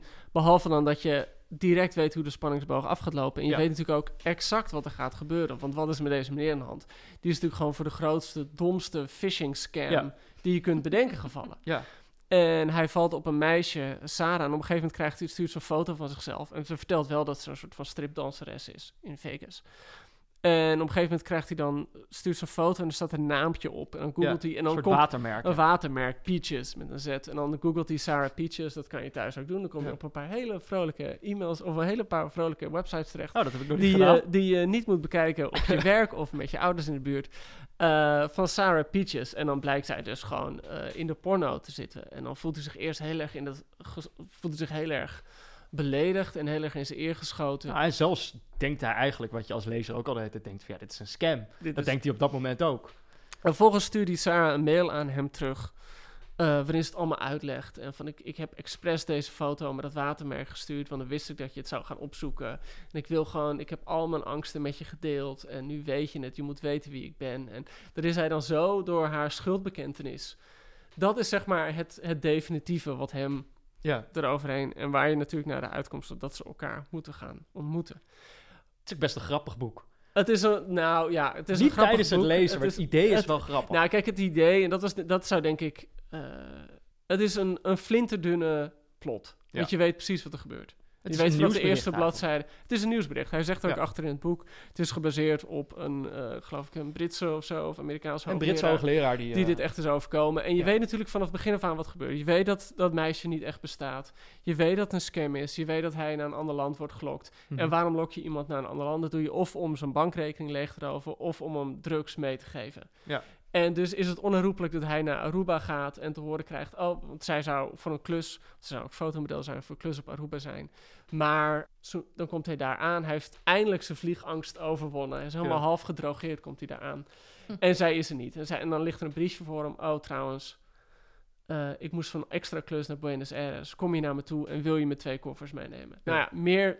Ik bedoel, Er zit een stickertje van een helemaal duidelijk. op. En, en dat is denk ik... Je moet je voorstellen, dit, het plot is vanaf de eerste bladzijde ehm, helemaal duidelijk. En je weet Ja. wat er gaat gebeuren, denk ik. Mhm. Dus wat de inzet van het boek is, is de stijl Ja. van Ilja Vijver. Ja. En Ilja Vijver, die natuurlijk zelf ook klassicus is, die zich dan helemaal overgeeft aan deze ijdele, erudite man die gewoon niet kan ophouden uit te leggen wat liefde is. En wat deed mij wel een is. beetje, het deed me een beetje denken aan mijn leraar Latijn. Die er ook ontzettend veel genoegen in schept om heel erudiet correct en breedvoerig te formuleren. Ik heb mijn ervaringen bij de Groene is altijd dat als je, eh, als je even wil kijken of je, of je artikelen wel goed gelezen worden, dan moet je Patrocles of Achilles verkeerd schrijven. En dan van elke gepensioneerde leraar klassieke talen in Nederland krijg je dan gewoon Ja. een brief van beste meneer de Vries. Waarschijnlijk heeft u verkeerd begrepen. En Dat, dat zijn wel altijd hele trouwe Maar briefschrijvers. de, de, de- ik had het net ook al over de humor zit er wat dat betreft ook wel in dat juist zo'n figuur zich dan laat verleiden tot de simpelste erotische scam die er Het, is. het boek duurt niet heel lang. Het is maar 170 bladzijden. Ja. Maar had jij niet... Of kwam er bij jou toch niet een moment dat je denkt van... Ja, oké, maar ik weet nu precies wat, er, Ja. wat dit is en wat, het, wat er gaat gebeuren. ja, en, zeker. Ja, nou absoluut. En ik vond ook eigenlijk, de, st- de stijl is niet fijn om te lezen. Dus op een gegeven moment krijg je wel het idee van, oh ja, dit is, dit is wat hij aan het doen is. En dan, en dan moet je nog een hele hoop bladzijden. zeg Maar dus de stijl zelf is niet fijn. Het is wel volledig correct voor het figuur dat hij vormgeeft. Maar het irriteert. Je ergert je eraan. Nee, wel, ja. Maar ik vind het, het had tegelijkertijd had het dus ook wel iets heel grappigs. Dus wat, wat ik dus, die had ik opgeschreven, een heel grappige zin. Dan zij stuurt een mailtje. Ze vroeg wat voor ondeugens ik met haar zou willen doen. Ik antwoordde dat ik haar de Mercurius steeg graag in het echt zou willen laten zien. En haar zou willen rondleiden door de universiteitsbibliotheek. Zeg maar, dat is ook die spanning die er dan telkens is. Zeg maar, zij stuurt echt de meest banale dingen naar deze man. En dan heb je, dus in je hoofd zit, zit dan in ieder geval mijn leraar Latijn. die dan op dat moment terugtypt van, nou, ik zou je wel eh, wat mooie boeken zien. eh, uiteindelijk is hij natuurlijk gewoon verliefd op zichzelf. Ja, precies. En hij zij, creëert zij, zij, sp- zij speelt voor hem een soort perfecte spiegel waar hij kan gaan zitten en zichzelf op Ja. zijn meest eh, opgeblazen manier kan laten zien. Hij kan helemaal leeglopen bij haar. Dus eigenlijk is hij hele... Totaal. Zij is, ik bedoel, dat, dat beeld komt er ook in Mhm. terug natuurlijk. Hij vertelt uitgebreid de Pygmalion-mythe aan haar en wat die betekent. En dat is natuurlijk helemaal wat dit boek ook is. Ja. Ja, maar precies, ook dat heb je op een gegeven moment wel door. Dus dat je gewoon weet van, oh ja, hij is maar, zelf maar wat dat... was voor jullie de reden om door te lezen? Want één, je weet van tevoren hoe het afloopt. Tweede, stijl is niet heel erg hyper te piep hoera. Waren dan de bevindingen, de observaties, de zelfspot? Wat was het? Nou ja, ik zal heel eerlijk zijn. Of dat Ik- je moest voor de podcast? Ja, ik moest ook voor de podcast. ik vond het, Oké. ik bedoel, IF5 heeft er een paar hele bijzondere boeken geschreven. En eh, iemand die, eh, die wat dat betreft zijn sporen helemaal verdiend heeft. En dit vond ik echt dat ik dacht, ja, je hebt een idee en je hebt het opgeblazen tot 170 bladzijden. Maar 70 bladzijden waren ook prima geweest. Ik weet dat, ik haat het altijd als, als recensenten dat zeggen van, oh, dat had wel 40 bladzijden minder kunnen zijn of weet ik wat. Maar ik vond het wel heel, ik vond het net iets te mager ehm, voor toch een boek van 170 bladzijden. En dan vond ik de stijl, die natuurlijk gewoon heel gezwollen is en heel overdreven. En natuurlijk is het ook de bedoeling dat we die stijl bespottelijk vinden. Want het is ook de bedoeling dat we die hoofdpersoon bespottelijk vinden. Eh, maar dan lees je eigenlijk twee keer iets bespottelijks. Mhm. En dat interesseert me gewoon niet heel erg. Ik hou, en dat is misschien ook particulier, ik hou niet van eh, schrijvers die een personage verzinnen om dat personage vervolgens alleen maar belachelijk te maken. Ik bedoel, het personage kan zich niet verdedigen, want hij bestaat niet. Eh, het is wat jij ervan maakt. Zoals jij op elke bladzijde wil laten zien van... Jezus, wat een eikel is dit toch? Ja, oké. Fair enough. Maar, maar ja, ik weet niet. Als lezer ver- verwacht ik... Hoop je gewoon, zoek je iets meer dan dat. Ja. En je trekt het niet verder, want het is, zoals ik het nu begrijp van jullie, ook een menstype dat hij belachelijk maakt. Dan, dan stoort dat gebrek aan compassie je nog steeds? Nou, dit is wel een het is extreem wel een extreem menstype. Extreem Niet mens. Niet ja, iedere leraar is niet, Latijn Nee, niet, niet, eh, niet elke universiteit heeft zo'n pompeuze decaan waarschijnlijk. Dus, Maar dat is dus wel... Dit is, dit is eigenlijk dus... de- op een gegeven moment... Dat vond ik wel echt ontzettend grappig. Ik vind dus inderdaad het lezen zelf is niet zo leuk. Achteraf was het een ontzet, vind ik het een leuk boek om aan terug te denken. Zeg maar, dus het, het hele idee vind ik toch wel heel grappig. En er zit zo'n scène in. Vlak voordat hij gaat, heeft hij nog een congres. Wat hij dan zelf min of meer heeft ja, dat is wel heel goed inderdaad. Ja, ja. En dan gaat hij toch, eh, ja, ja, zij heeft dan naar hem gestuurd. Zo van, ja, je gaat wel naar een tropisch eiland. Dus koop wat, eh, wat frisse kleren, korte broek of zo. ja. Maar dan inderdaad, dan gaat hij, deze man, die je dan al honderd bladzijden hebt leren kennen als een extreem serieus Ja, ja. figuur, die gaat naar een kledingwinkel en die denkt dan, nou, ik moet wel wat cools hebben voor, eh, voor Peaches. En dan, dan begint hij al over een driekwartsbroek die aan de onderkant eh, gerafeld is. en dan, dan zegt hij, oh ja, dat is wel, eh, wel cool of zo. En uiteindelijk trekt hij ook... Een shirt aan en op dat shirt staat de tekst Forever Young. Ik bedoel, dat En vond ik wel in, zo en dan in die speech, en dat vind, dat vind ik wel iets heel moois. En er zitten ook wel een paar goede dingen in hoor. Eh, dat vind ik dan heel mooi dat hij dan volgens, hij is dus de hele tijd bezig met een ehm, congres te organiseren. En dan gaat hij dus naar het congres toe in die kleren om die speech te geven. En dat is echt zo'n iets wat ik wel vaker droom. Een soort van oude angst. Hij loopt het podium op, vol zelfvertrouwen. En opeens bedenkt hij, ik heb helemaal geen speech voorbereid. Ja, ja. Want hij is natuurlijk alleen maar met peaches bezig geweest. Dus dan staat hij daar. En dan steekt hij voor zichzelf een geweldige speech eh, af over de waarde van liefde. Er zit op zich ook wel iets moois in. En er zit iets moois in. En dan blijft de zaal... Hij verwacht een daverend applaus en de zaal blijft helemaal stil. ja. Oh. En vervolgens citeert iemand een oude spreuk. En dat betekent zoiets van... Liefde en waardigheid gaan zelden ja. samen. ja, Heel zitten niet op dezelfde stoel. En wat ik, wat ik mooi vind, ehm, dat moet ook gezegd worden, wat ik er uiteindelijk heel mooi aan vind, is dat hij toch een pleidooi houdt van zelfs op het moment dat hij weet dat hij in de cel zit en weet wat er gebeurd is, dat hij geen afstand van Peaches neemt. Ja. Want hij zegt dan, zij bestaat misschien niet, maar mijn liefde voor haar was wel echt. Zij is Mhm. niet echt, maar mijn liefde voor haar wel. Ja. En voor hem is dat dan toch hè, zo'n man die zichzelf de hele, zijn hele leven in zijn klassieke eh, heeft opgesloten, dat dat, dat dan de, de doorbraak is. Ja, Nou ja, of hij zit nog steeds in zijn hoofd, zou je kunnen betogen. Zou je ook kunnen zeggen. Ja. ja. Dus en in het is alsnog zelfliefde. Ja, dat is ook jammer. Hè? Ehm, maar ja, dus we zijn het wel ongeveer eens over dit boek, Ja. denk ik. Volgende boek, Arjen van Velen. Aantekeningen over het eh, verplaatsen van obelisken. Dat is mijn hiaat. Deze heb ik niet gelezen, dus deze heb ik overgeslagen. Dus ik, ik, ik, eh, ik, ik stuiter, stuiter de bal meteen naar een van jullie. Nou, dat is goed. Eh, voel je vrij om vragen te stellen Ja. als je denkt dat Ja. wij in gebreken blijven. Die kans is groot. Eh, waar gaat deze roman over? Tik ik hem in of tik jij hem in, Joost? Eh, deze roman gaat heel simpel gezegd over een beetje hetzelfde als met Marjolein van Heemstra. Er is een personage dat Marjolein van Heemstra heeft, zoals je in dit geval een personage heeft dat ongetwijfeld Arjen van Velen is, maar dan Arjen van Velen tussen aanhalingstekens, want eh, er staat roman op het boek. En het gaat eigenlijk over een vriendschap tussen Arjan van Velen, of tussen, laten we hem Arjen noemen voor het gemak, en ene Thomas, een student die hij leert kennen in eh, Leiden, waar hij ook studeert. En waar Arjen erg ingetogen is en op zichzelf is, is deze Thomas heel flamboyant en heel intellectueel. En die trekt hem het leven in en gaat met hem naar de kroeg. En die gaat allemaal over de meest kleine, lullige dingen in het leven uitgebreid bij de hand filosoferen. En wat je meteen natuurlijk weet in dit boek, is dat die Thomas is overleden.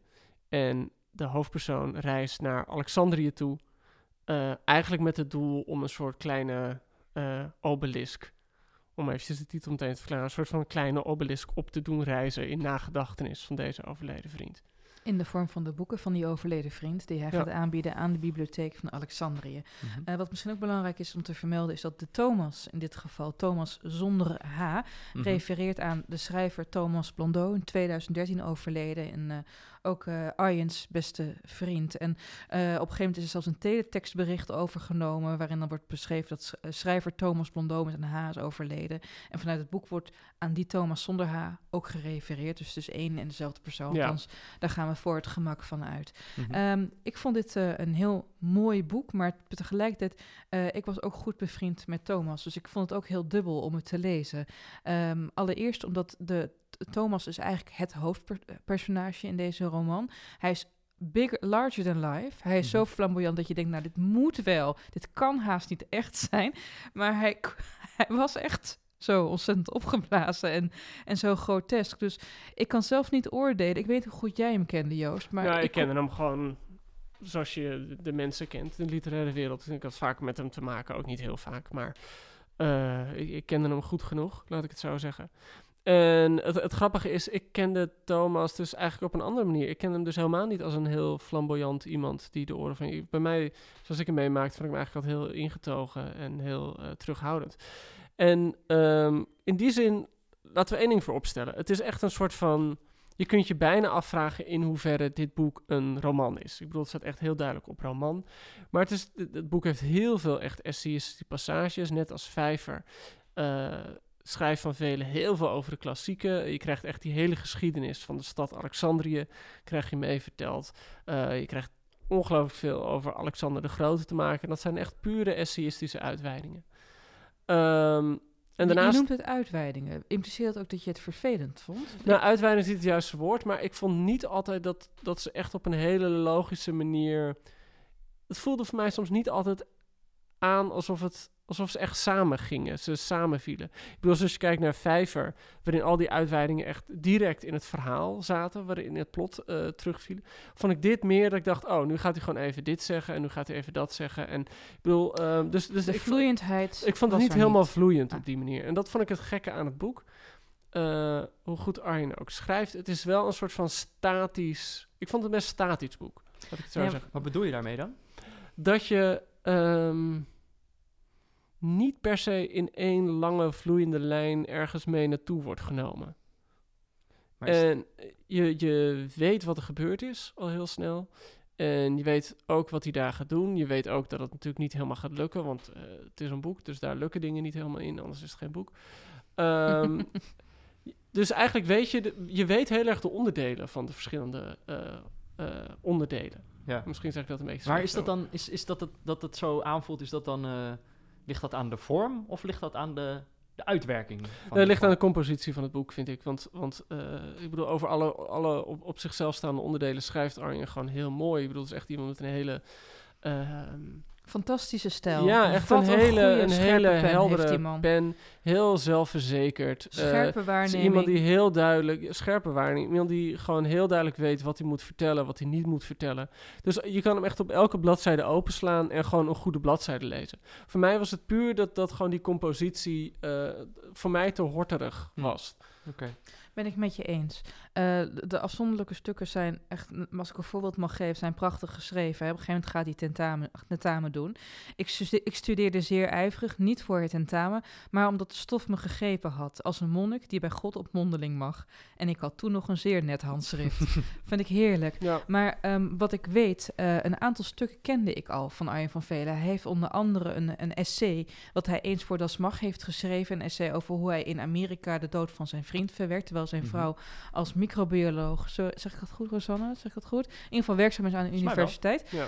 Ehm, dat, dat, dat is hier ook gewoon ingestopt, maar het is net te los. Hmm. Net niet goed genoeg verbonden. En eh, de reden dat je door wil lezen, had ik althans, is die fantastische stijl, dat enorme observatievermogen. Ja. Maar inderdaad, of het nou samenhangt, weet je wel, of die twee verschillende componenten meer dan de som der delen vormt, nee, niet voor mij. Het klinkt eh, ergens ook wel avontuurlijk dat hij naar Alexand Alexandrië gaat. Of, is dat, of heb ik dat helemaal mis? Is dat niet avontuurlijk? Nou, het is avontuurlijk in de zin dat hij daar rondloopt en dingen beleeft, mensen tegenkomt, sfeer opsnuift. Eh, het is tegelijkertijd ook een, eh, eh, om het uh, blamanesk te zeggen, een eenzaam avontuur. Want overal is die absentie van die vriend er. Ja, oké. Ja. Ik- Nou Ja, in een bepaalde manier, en dat, dat is ook wel het grappige aan het boek, dat, en dat, dat is altijd een soort van dubbel werkend effect. Hij probeert heel erg niet sentimenteel te doen. En de stijl van Van Velen is echt een beetje stoer, of nou stoer. Weet je wat, het is wel echt een beetje de man die de wereld aanschouwt en het niet te Mhm. dichtbij laat komen. En juist daardoor is het eigenlijk een heel sentimenteel boek, omdat je wel de hele tijd dat enorme gemis voelt. En hij blijft er ook mee bezig, en blijft mee terugkomen. Ik vind wel, de, de slotzin van het boek is wel eh, een, een slotzin zoals ik vind dat je een boek nooit mag eindigen. Namelijk, oh, Eh, ik hou van je en ik mis je. Eh, dus weet je, het- uiteindelijk is het, werk je wel heel erg, zit je wel heel erg dat boek in die, dat sentiment dat onderdrukt moet worden. ja, En wat natuurlijk niet stand houdt. ja. En dat geldt dan zowel voor de hoofdpersoon als, als, als voor de schrijver? Of... Ja, die vallen natuurlijk samen eh, in die zin dat er gewoon een ik-persoon aan het woord is. Ja. Oké. Wat- Wat, vond jij, ik, ik, dat, daar ben ik toch wel benieuwd naar, want jij noemde net eventjes die teletextfoto. En, Ja. en dat vond ik een beetje grappig. want Aan de ene kant wordt er een literaire exercitie begonnen. Het heet roman, staat op de omslag. Eh, het wordt gepresenteerd als fictie. Eh, we hebben eh, de beste vriend die is overleden, is Thomas zonder H. En dan krijg je de foto eh, van teletext opeens te zien. Vond jij niet dat daarmee ook het fictionele heel erg werd opgeheven ineens? Dan moet ik wel ja zeggen natuurlijk, hè? Over Nou. retorica gesproken, Joost. Dat is weer zo'n vraag waar ik zelf Nou, het antwoord al op, op bedacht Ik vind het altijd vervelend als er een vierde wand wordt doorgebeukt. Dus dat had voor mij echt niet gehoeven. En weet je, ehm, ik had het verhaal, eh, ik had het misschien zelfs nog persoonlijker willen zien. Dan maakt het mij niet uit of het inderdaad correspondeert met een echte overleden vriend. Maar als ik nog even een voorbeeld mag aanhalen. want. Ja, het, is, het is wel echt een hele mooie getuigenis van hoe rouw eh, werkt. Op een gegeven moment beschrijft hij hoe alle vrienden op de avond dat ze gehoord hebben dat Thomas is overleden bij elkaar komen om elkaar te kunnen steunen. En dan schrijft hij dit. Het is een wat langer citaat, maar het is echt de moeite waard. Zijn dood leek een signaal waar we al jaren op hadden gewacht. Om alles uit onze handen te laten vallen dat onecht was of onvrij. Ja, we waren bevrijd. Hij had ons bevrijd, Thomas de martelaar. Wij waren nu gebrandmerkte strijders. Voortaan zouden we leven om zijn bloed te wreken. Ik zag het allemaal zo helder als de maan die avond. Dat er in het leven geen noodlot was dat mij treffen kon, want het ergste had ik nu al overleefd. En er was meteen een schadeloosstelling voorgekomen, een ongenaakbaar fuck you, een superiore minachtende onverschilligheid tegen het lot. Ik rookte die avond sigaretten zonder na te denken over de dood, zonder me af te vragen wat mijn vrouw ervan vond. Ik was vrij van angst. En het klapt natuurlijk helemaal ver- verderop in elkaar, maar ik vind het ontzettend mooi beschreven. Ja. Had ik veel meer van willen zien eigenlijk. Het is een soort gevecht tussen het, inderdaad het onderdrukken van het sentiment en het hele cerebrale, waar hij Ja. zeer naar neigt. Ik hou altijd wel van de cerebrale hoor. En ik bedoel, die- Echt? ja, nee, Sarcasme Nee, knop uit. Ja. ik trap er altijd in. Maar eh, nee, en ik vind dat hij dat, ik, ik weet niet, ik vond het ook wel heel fijn om te lezen, al die eh, uitweidingen. ik noem het toch gewoon uitweidingen, Ellen. Over Alexandrië en Alexander de Grote. En, en, maar ik, ik vraag me inderdaad af, wat nou als hij inderdaad zich had voorgenomen er geen roman van te maken? Of het dan niet misschien wel veel puurder was geweest? ja, en ook misschien minder goed had verkocht. Ja, Wat? You never know. Als het persoonlijker was, juist minder goed? Nou, ja, misschien wel. Mis- nou ja, ik, ik weet niet. Ik weet, eh, kijk, dit is natuurlijk een soort magische mix. Het is een mix. eh, het- Mhm. het, heeft een soort Harry Moelis-achtige eh, pretenties, weet je wel. Oude kennis, nieuwe kennis. Ook een beetje een vleugje mystiek zit erin. Weet je wel, een, een graf vinden wat nog steeds niet gevonden is. En tegelijkertijd dat gemis, ja, het... Ik had zelf, eh, toen, ik er, toen ik me een beetje ging inlezen erover, had ik zelf eh, het gevoel dat, ik, eh, dat het wel jammer was dat ik deze niet gelezen had. Ah, Nou, Dus dat ga ik ik gaan nog doen. Ja, dat, dat kan natuurlijk gewoon nog. Oké, laatste boek. top, jongens. Daar zijn we dan, bij de W van Wieringa. De Heilige Rita. de T van Tom. Yes. Ja, eh, ja, het verhaal speelt zich af in, eh, hoe zeg je dat? Ellen, want jij, jij begon meteen, jij wilde dit boek sowieso gaan lezen, omdat je zei, ik, ik kom daar vandaan, zei jij. Nou, het speelt zich af in het fictieve dorp Marienveen. ja, Eh Tom Wieringa is zelf opgegroeid in Geesteren. Het ligt allemaal in Twente, ja, dan kom ik weg. ik kom uit Borne, uit een plek tussen Almelo en Hengelo in. Mhm. En, Echt? Ja, ja, surprise hè, dat is Ik weer dacht iets ook van van, jij bent gewoon- waard. Geboren op de Herengracht of zo. Nee, nee, nee, nee, nee, nee, nee, maar mijn accent zou, zou daar wel naar kunnen verwijzen. maar ik heb heel veel logopedie gehad in mijn leven. ja. Ik, ik, eh, alleen als ik dronken ben of heel kwaad, kan ik nog echt goed Twents. Dus daarom ben ik ook nooit meer dronken of heel Maar? erg kwaad. het boek. Het boek De Heilige Rita gaat over... Ja, waar gaat het eigenlijk over, jongens? Nou ja, het het gaat over van alles en nog wat. Nou ja, ik dacht, toen ik het aan het lezen was, eh, het, het gaat in eerste instantie gaat het inderdaad over dat blijkbaar fictieve dorp Marienveen. Wist ik niet dat het Ik wist fictief ook niet dat het fictief was. Ik dacht, oh, dat bestaat gewoon. In ieder geval, eh, het gaat over de het kleine dorpje. Het is een krimpregio. Mensen zijn daar eh, aan het vertrekken. Er zijn nog een paar Chinezen, er zijn wat Polen. Ehm, en op een gegeven moment stort er in een maisveld stort er een Russisch vliegtuigje neer met een Russische piloot erin.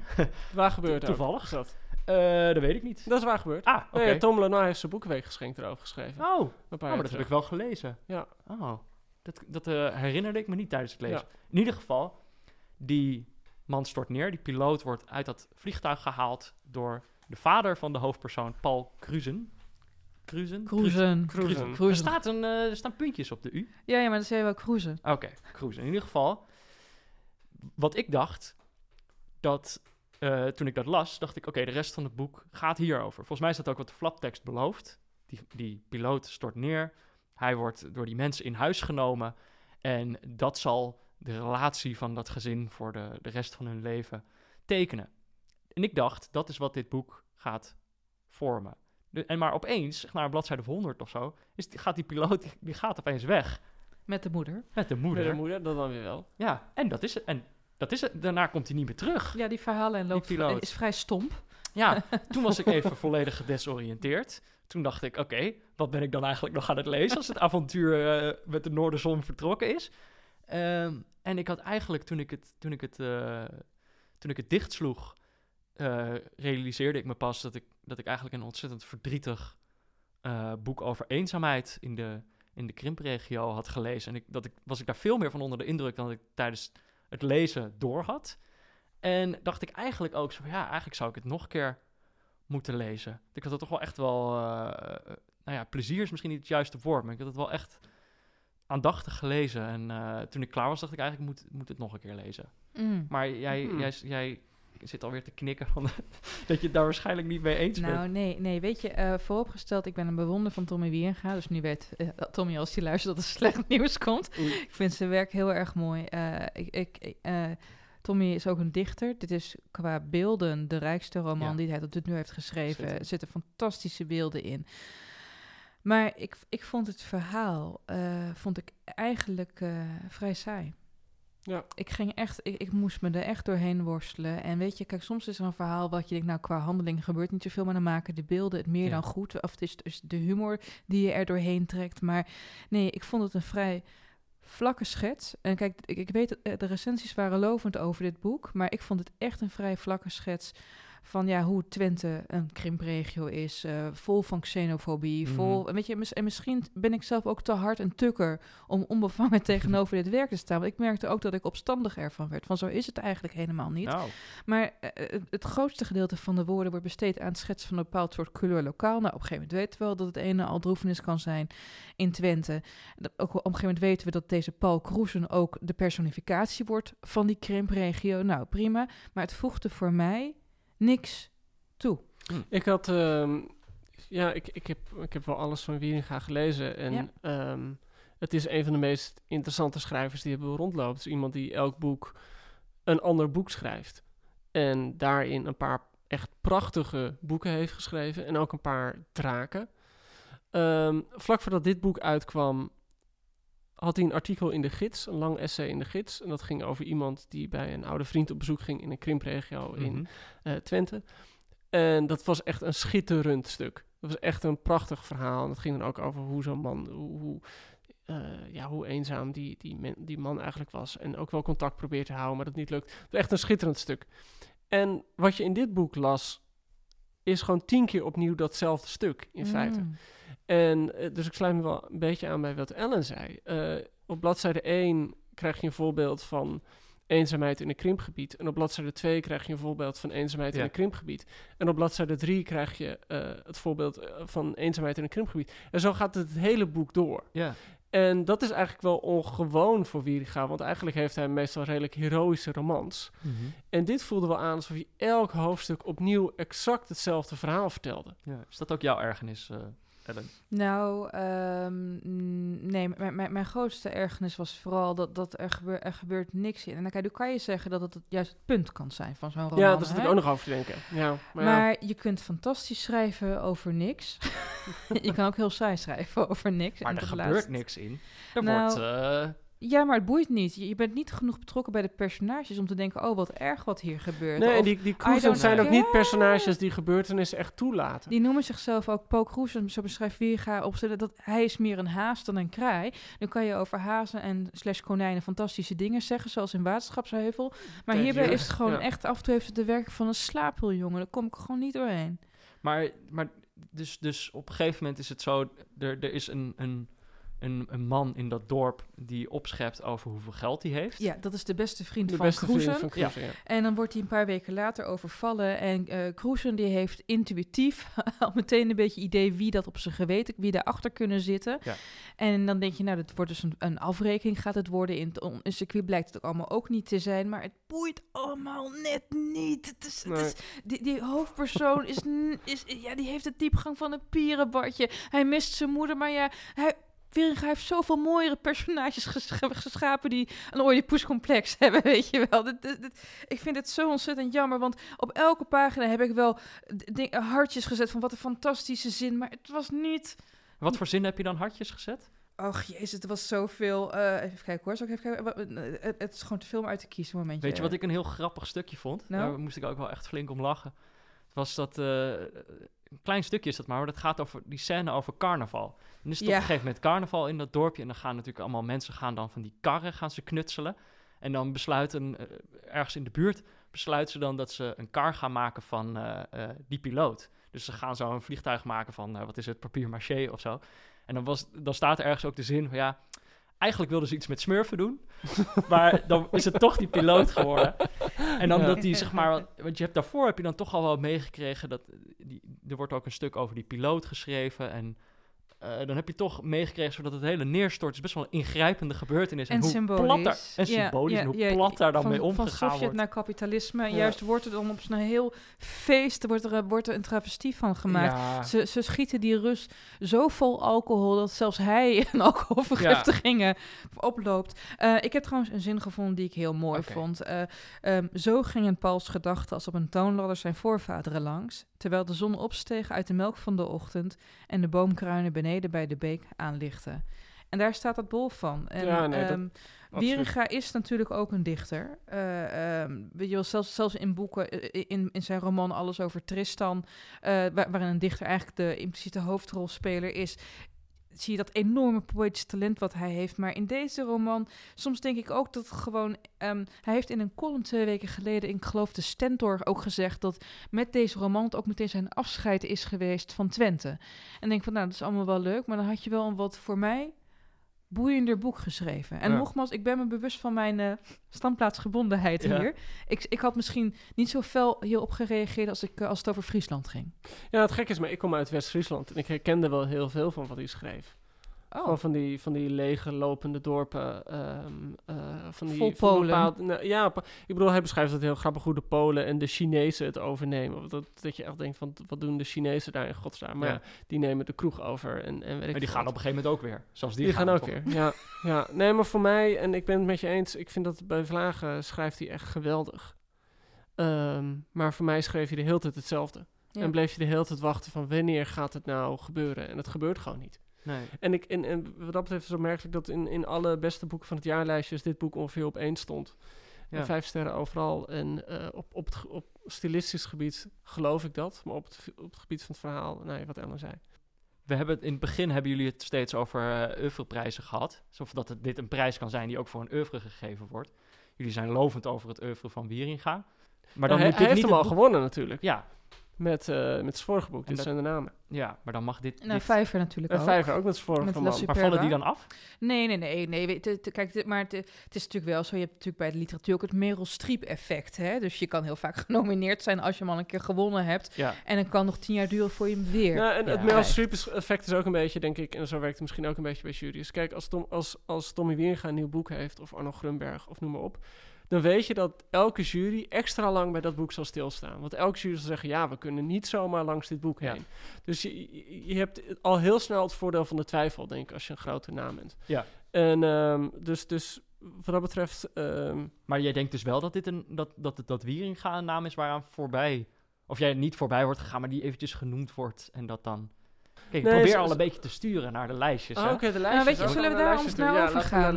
Laten we, laten, we, laten we het over hebben. Ja, ik heb aan het begin heb ik natuurlijk eh, eh, een paar vragen gelanceerd. Dan zei ik welke roman gaat winnen, welke zou moeten winnen en welke had de jury eigenlijk moeten nomineren. Nou ja, laten we dan ook zo gek zijn en gewoon eh, antwoorden geven op die vragen. Nou, laten we dat doen. Maar, maar, maar is het een handig... Laten we de spanning opbouwen. Laten we eerst kijken naar wie er ook genomineerd hadden moeten worden. Mogen we allemaal maar dat één mogen pitch gewoon een soort, eer, soort eervolle vermeldingen, toch? Oké. Oké, ik doe een kleine pitch. Ja. Welk boek, en ik heb gewoon gekeken naar wat er op de longlist stond, want Ja. er staan natuurlijk ook boeken niet op de longlist die super mooi zouden kunnen zijn. Welk boek voor mij niet alleen op de shortlist had moeten staan, maar voor mij ook had mogen winnen, is Abdul en Akil van Jolande Entius. Dat is Oké. bij Van Oorschot gelezen. Dat Verschenen, moeten jullie allemaal lezen. Dat is een verhaal over twee meisjes, Doris en Nola, die begin jaren tachtig op vakantie gaan in Zuid-Frankrijk. En dan een beetje verdwaald ronddolen en in een beetje een fout café terechtkomen. En dan met eh, de Abdul en Akil uit de titel eh, op pad gaan. Twee gastarbeiders, zoals je het toen nog noemen. En allebei worden verkracht. En dat duurt zeg maar tot bladzijde 30, 35. En de rest van de roman gaat eigenlijk in een soort van vogelvlucht... krijg je volgens het hele leven van die vrouw te zien. Ja. Van de jaren 80 tot nu. Maar waarom had dit genomineerd En worden? het is zo, zo mooi over hoe ze dat hele leven beschrijft. Het voelt echt aan alsof dat boek niet opgeschreven is. Maar dat je echt alsof je gewoon door iemands fotoalbum heen gaat en het helemaal opgediend krijgt. Vind ik echt een schitterend boek. Had, absoluut op shortlist moeten En staan. jij, Ellen? Tchaikovsky-straat nummer 40 van Pieter Waterdrinker. ja. Waarom? Het is filijn, het is grappig, het is scherp. Wat gebeurt er? Heel in het kort. Hele Russische geschiedenis vanaf eh, de revolutie wordt beschreven, worden parallellen getrokken met Europa. Op een gegeven moment ben je, schaam je je ervoor om een West-Europeaan te zijn. Heel knap gedaan. Ik verbaasde me ook zeer dat zijn vorige roman niet een grote prijs had gekregen, Poebel. Of heeft hij wel een... Joost, heeft Dat hij... Nee, hè? Had hij wel verdiend. Terug, eh, terug naar de... Oh, welk- ik had er ook nog Oh ja, eentje. oh, nog één. Oh ja, Peter is er ook nog. jou niet. Ja. Ik, eh, maar ik zal het heel kort houden. Ik, ik heb heel, met heel veel plezier Klont eh, gelezen Ja. van Oh, ja. Maxime Die had ik zeker verwacht. ja, had ik ook op de shortlist En verwacht. zeker eigenlijk omdat dit dus een eh, lijst boeken is die, we noemden het aan het begin, die misschien niet allemaal even geëngageerd zijn.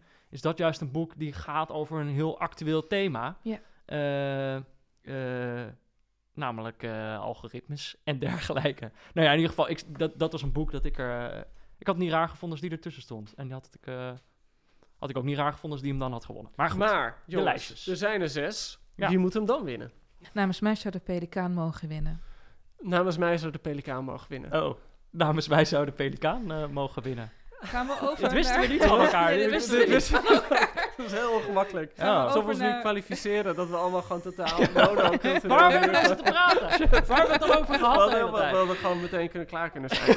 We hadden dit gewoon kunnen tweeten, jongens. Ja, dit Ja. is ook nog eens het eerste boek waar we het over hadden. Ja. Ja, ja. het was gewoon schitterend. Het Gewoon was schitterend. fantastisch. En Ja. ik denk ook, als ik ga kijken naar de jury staan... Nou, weet je, ik ken Abdelkader Bernali een beetje.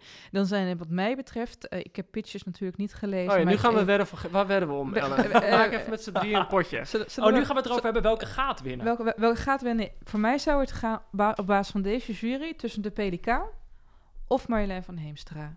Oké.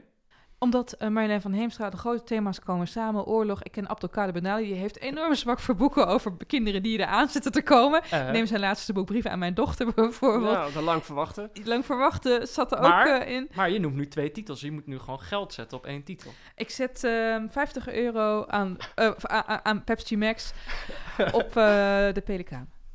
Oké. Toch wel. Joost. Oké. Het is altijd heel moeilijk, want je gaat inderdaad kijken naar de jury, naar wie heeft de gunfactor. Je moet gewoon reëel zijn, wie heeft de gunfactor. Ik zie eigenlijk ehm, of naar Marjolein van Heemstra gaan, of naar Martin Michel Driessen. En ik zet 50 euro aan Kroki chips. Al, dames en heren, er zijn ook merken eh, die ook chips maken die niet Kroki zijn. Ik zet 50 euro op Marjolein van Heemstra. Oké. Ik weet het niet. Ik, eh, ik denk ook Marjolein van Heemstra. Ah. Eh, ik weet nog niet. Ik zou het haar gunnen. Ik stond te stuiten toen ze de BNG eh, kreeg. Ehm, maar op basis van, ja... Ja, zij is natuurlijk wel. Zij heeft die prijs, de vorige prijs al gehad. Dus eh, ze is on a roll, zou je kunnen zeggen. Ja. De Golden Globes zijn geweest. Nu komen de Oscars. Eh 7 mei. We gaan het zien wie de Kroki chips krijgt en wie de cola. Eh, Wat zet jij in dan, Peter? Ja, dat weet ik. Ja, wat moet ik dan nog? Ja, ik ga 50 euro borrelnootjes is wel heel veel en ook niet zo lekker. Eh, ja, ik weet het niet. Wat, wat is er dan nog als je cola en chips al gehad hebt? Wat moet je dan nog? Moet je dan nog noemen? Porno. Porno. 50 euro. Euro. Porno. Nou, dan mag ik hopen dat Marjolein wint. Nou ja, dan zijn we er doorheen, denk ik. Oké, 7 mei. super spannend. Dit was de, de Libris special van eh, Boeken FM. de podcast van Das Mag en de Groene Amsterdammer over boeken en de inhoud ervan. Wil je nog wat mailen? Dat kan naar boekenfm.dasmag.nl. En verder rest mij niks anders dan Ellen te bedanken. Dankjewel. Dankjewel Peter. En eh dankjewel Joost. Dankjewel, Peter. En tot de volgende keer.